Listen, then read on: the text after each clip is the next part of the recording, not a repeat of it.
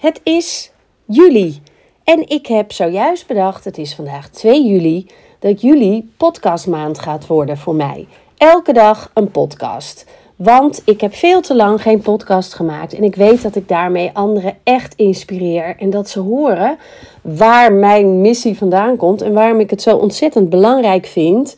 Dat je je bewust wordt van jouw mooie, unieke instrument. Wat je allemaal in huis hebt. Met jouw instrument kan je veel meer bereiken. Als je het weet te besturen. Nou krijg ik wel eens de vraag, ja, maar dan moet ik op het podium en dan moet ik mijn tekst onthouden en dan moet ik weten waar ik het over ga hebben. En dat maakt mij juist heel erg nerveus. Het punt is dat als je weet hoe je je stem kan besturen, je weet bijvoorbeeld hoe je krachtig kan spreken of juist met meer gevoel, trek je via je stem jezelf naar binnen. Waardoor je op het moment dat je een krachtige stem gebruikt, krachtig gaat klinken. En op het moment dat je een gevoeliger stem gebruikt, ga je meer je gevoel overbrengen. En deze twee dingen wil je heel goed kunnen als je op een podium staat. Namelijk krachtig je stem gebruiken is in het begin handig als je het een beetje spannend vindt. En wie vindt dat niet, hè? Want een beetje spanning is super gezond. Daar ga ik ook de komende maand over vertellen. Wat is er nou fijn aan spanning? Niks, denk je misschien nu. Nou, daar kom, daar kom ik op terug. Het is ook zo dat je krachtig wil staan. En als je dat alleen maar doet vanuit je hoofd, kan het juist zo zijn dat je een blackout krijgt of stress gaat voelen. Op het moment dat je weet hoe je je gevoel over kan brengen, en dat doe je met je stem, ga je ook weer makkelijker op het podium staan zonder een blackout te krijgen. Nou, nou hoor ik je denken, ja, podium staan, op het podium staan. En uh, dat hoef ik niet. Ik hoef niet per se op het podium te staan. Maar je mag je realiseren, elke keer als jij als ondernemer of leidinggevende in je bedrijf spreekt binnen je bedrijf of over je bedrijf, dan ben je dus je podium aan het pakken. En dan ben je een spreker. Want je bent nu waarschijnlijk een prater. je praat zonder dat je bewust weet hoe belangrijk je stem is. Maar het is de bedoeling dat je je gaat realiseren dat je een spreker bent elke keer als je je mond open doet en over je bedrijf praat. Want op het moment dat je dat doet, kunnen mensen aanhaken of afhaken. En misschien heb je zelf ook wel eens een keer de ervaring gehad dat je naar iemand luisterde en uh, binnen twee minuten afgedwaald was. Dat je in je eigen gedachten zat, dat je je eigen verhaal ging maken. En dat je na drie minuten dacht: Oh, wacht even, ik heb helemaal niks meer gehoord van wat deze zei. En dat zijn de slaapverwekkende sprekers. En misschien hebben die nooit geleerd te spreken. Dus dan zouden het eigenlijk de slaapverwekkende praters zijn. Je kan je vast ook wel herinneren dat je naar iemand geluisterd hebt en dat je denkt: ik weet niet precies wat ze zegt, ik kan het niet herhalen, maar ik voel het. Ik voel het. Ik voel dat ik bij haar moet zijn. Ik voel dat haar verhaal ertoe doet. Wat ze zegt, dat moeten we doen, dat moeten we volgen binnen een bedrijf bijvoorbeeld. Of ik wil gecoacht worden door deze vrouw, want ze brengt het zo over dat ik er echt meteen geloof. Nou hoop ik natuurlijk dat je bent blijven luisteren deze eerste vier minuten en denkt, ja, ik geloof ook wat Katinka zegt, dat dit de waarheid is.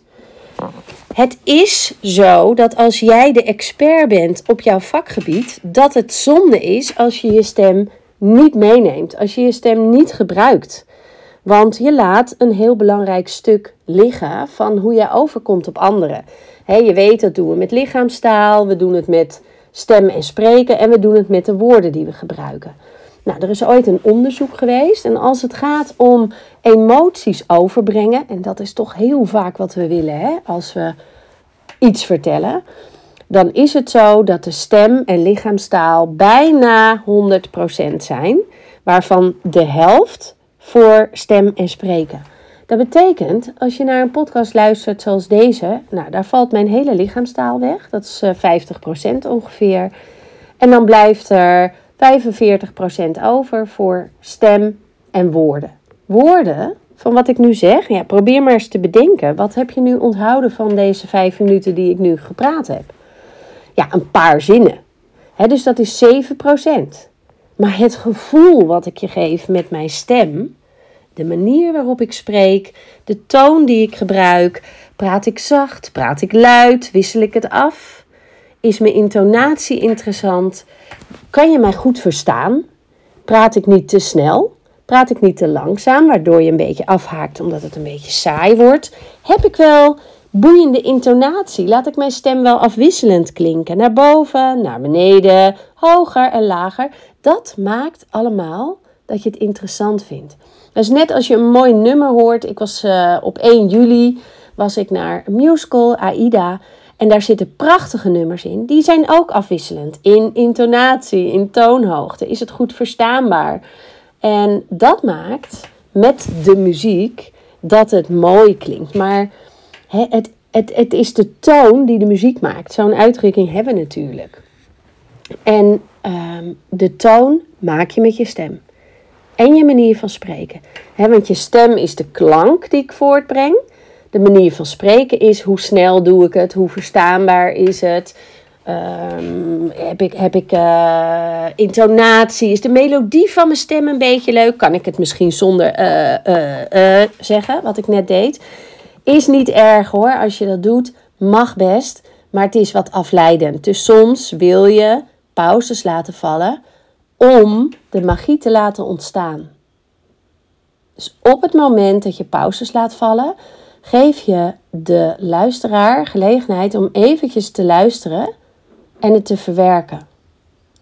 Dat vind ik ook het belangrijke waarom je geen pauzes moet knippen uit je podcast als je die maakt of een video. Ik zie dat er tegenwoordig altijd de pauzes uitgeknipt worden, waardoor je de aandacht makkelijker vasthoudt. Alleen de luisteraar doet er niks mee. De luisteraar krijgt geen verbinding met jou, want kan niet verwerken wat je zegt. Dus dan zijn het video's die je opneemt, die je consumeert, alsof het een patatje mayonaise is. En daarna denk je, hmm, ik heb wel wat gegeten, maar voelt dit nou goed? Of ik heb al wat gekeken, maar ik weet niet meer waar het over ging. Juist nu dat ik een pauze durf laten vallen, maakt dat jij kan consumeren wat ik zeg. Dat jij kan verwerken wat ik zeg.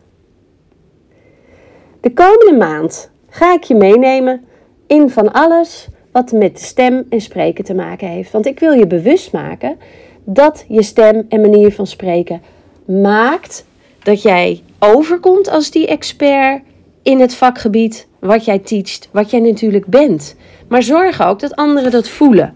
De expertrol kan je leren voelen in je lichaam middels je stem. Je stem kan je daarvoor gebruiken om je krachtiger te voelen, maar ook dat je je ruimte inneemt met je stem. Dat je overkomt zoals je wil op de luisteraar. Krachtig, vol zelfvertrouwen. Geen twijfel hoorbaar in je stem. Daar ga ik het allemaal over hebben de komende maand. En ik nodig je van harte uit om dit natuurlijk elke keer te luisteren. Het lijkt me super tof als je dat doet. En wil je mij alsjeblieft vijf sterren geven of volgen of een like waar je dit ziet. Het is namelijk zo dat we dat vaak niet durven vragen. Wil je mij helpen?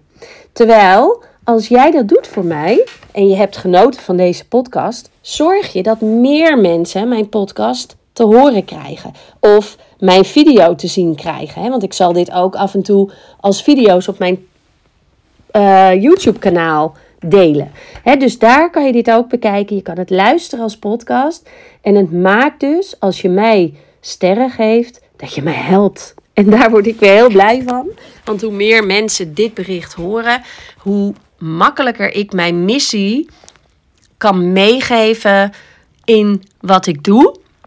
En wat mijn missie dan is, daar ga ik het ook nog over hebben. Hopelijk tot de volgende keer. Doeg!